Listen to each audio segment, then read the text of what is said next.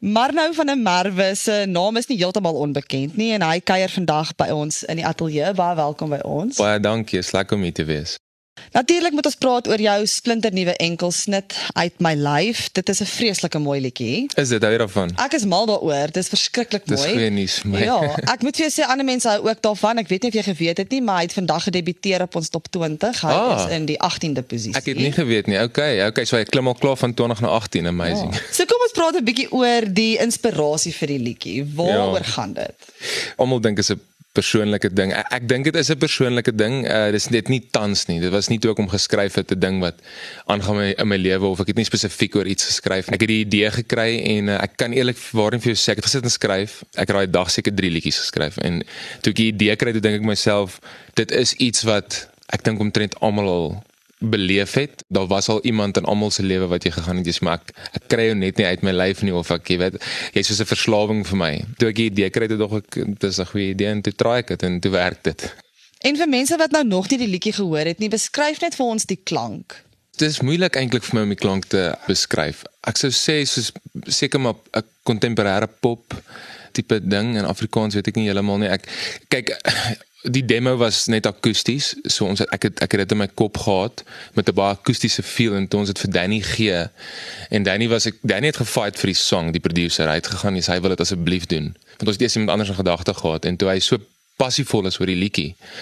Toe sê ons wel bring ons ietsie en toe hy die eerste sy demo en sy weergawe vir ons stuur, dis dis is net soos dis dis great. Bietjie elektriese gitare by en net so 'n bietjie van 'n ander klank so. Ek weet nie, ek dink pop contemporary so ietsie. En dan jy het nou genoem jy skryf liedjies. Ek dink nie dis iets wat mense van jou noodwendig geweet het dat jy eintlik 'n baie goeie liedjie-skrywer is. En jy het ook hierdie liedjie geskryf saam met Rian Benadi. Hy het ook al 'n hele paar ander treffers wat julle saam geskryf het wat Ja. mense nie noodwendig van sal weet nie. Watter ander liedjies het Ja. jy al saam gewerk? Uh ons het vat 'n bietjie geskryf. Uh ons het Robbe Bliksem geskryf. Ons sal self uh my bring nou ek kan seker maar 'n bietjie spoil. Hy bring nou op sy nuwe album musiek wat ons gemaak het. Dit ek en hy laas jaar geskryf. So daar's nog 'n paar ander ander goeters wat ons vir mense geskryf het, maar ek dink wat lekker is met my en Rian soos behalwe van as ons dalk van die begin af ietsie saam skryf is, is vertrou ons mekaar. So as hy ietsie skryf dan bel hy my dan sê hy jy's Maries hoor gehou hierso. Wat dink jy hiervan of of jy weet of ek met hom dan bel my en sê ek het hierdie geskryf wat dink jy en en dan is ons oop vir vir input. As ek sê maar ek hoor dit dalk try dalk so ietsie en, en dit dis dis wat baie lekker is met my en hom. En ek het 'n voeltjie oor flat julle is familielede, is ek reg? Ons is klein neefs, baie ons het mekaar actually nie geken to be honest tot en met wat kan ek sê seker net so ja, COVID daar rond. Dis so 3 jaar terug. So ons ons is van ver langs familie, maar ons het nooit regtig jy weet saam groot geword of mekaar geken of so nie. En en nou so deur musiek het ons gelink en nou is ons nou is ons familie in meer in meer meer maniere as een. Ja, dis ongelooflik. Ja. Kom ons praat 'n bietjie oor jou skryfproses. Is dit iets wat vir jou natuurlik kom? Is dit iets wat jy gaan sit en jy en jy skryf? Hoe werk jou proses? dit verskil. Baie keer hoor ek ietsie wat my inspireer.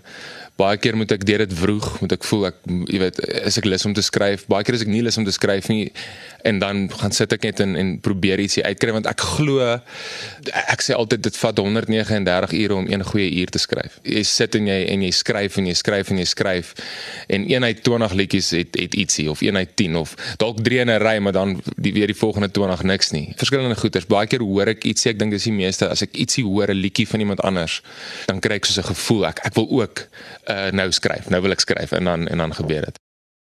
Kom ons praat 'n bietjie oor die musiekvideo vir Uit My Lyf. Wat is die konsep van die video?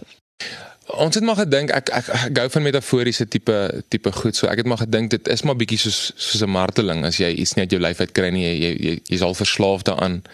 Toe dog ons hoe kan ons dit uitbeeld in 'n ander manier?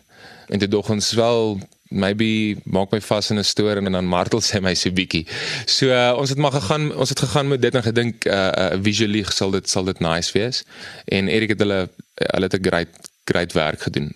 Mense hou daarvan sover. Ek kry goeie terugvoer. So ek hoop is okay.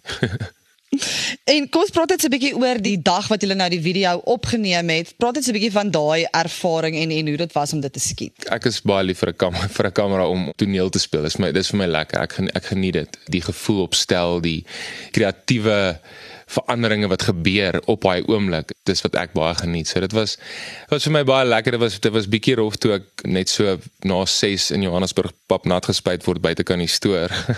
so ek het lekker koud gekry. Dis altyd lekker as jy saam met lekker mense werk. Dit is hier nommer 1 ding vir my. So ek kies my mense ook so. My projekte as ek selfs as ek nou nog toneel speel hier en daar ek kies my projekte so hang af wie dit doen, saam met wie ek gaan speel en en daai goeie. So dis vir my die belangrikste op hierdie stadium. En waar is uit my lyf beskikbaar? Wel die video is op YouTube, die liedjie is op uh, sover ek weet omtrent elke platform moontlik daar buite. Deezer is uh um, hoe kan ek sê Spotify is YouTube Music, Apple Music. So ek dink ja, as jy 'n platform het, hy behoort hy behoort daarop te wees. En as mense jou in die hande wil kry vir vertonings of enige ander iets, hoe kry hulle jou in die hande? Ek het nou net by uh Vocal Events het my opgetel. So ek is ek is nou deur hulle op al my sosiale media sal jy hulle inligting kry en jy kan my daar bespreek. Inbox my, praat met my, dit sal lekker wees. Gee my die seerste wat jy het, ek wag. Jy was die beste lyn, ek sweer jy was. Ek het genoeg gehad en van een en weer. Het ek jou soen gesmag vir die laaste keer. Maar ek kan net nie stop nie. Jy is te veel vir my. Ek kan nie die gewoonte skop nie. Jou hoog is te hoog vir my. Al is dit duidelik dis verby. Ek kry jou net nie uit my lyf nie. Ek kry jou net nie uit my lyf nie. Bring my harde les wat ek moet leer. Beloof dit gaan nooit ooit ooit weer gebeur. Want ek is moeg gewag, ek het lank gekeer. My hart en geploeg gesweet nou sê ek nie. Maar ek kan net nie stop nie. Jy is te veel vir my. Ek kan nie die gewoonte skop nie. Jou oog is te hoog vir my, al is dit dis verby. Ek kry jou net nie uit my lyf nie. Ek kry jou net nie uit my lyf nie. Trek daardie drup so diep soos wat jy kan. Wys my daai hemel waarin ek moet gaan. Gee my die seerste wat jy het ek wag. Was die beste lyn, ek sweer jy was. Ek het genoeg gehad van een en weer. Het ek jou soen gesmag vir die laaste keer. Maar ek gaan dit net nie stop nie. Jy is te veel vir my. Ek kan nie die gewoonte skop nie. Jou oog is te hoog vir my. Alles dit tyd dat is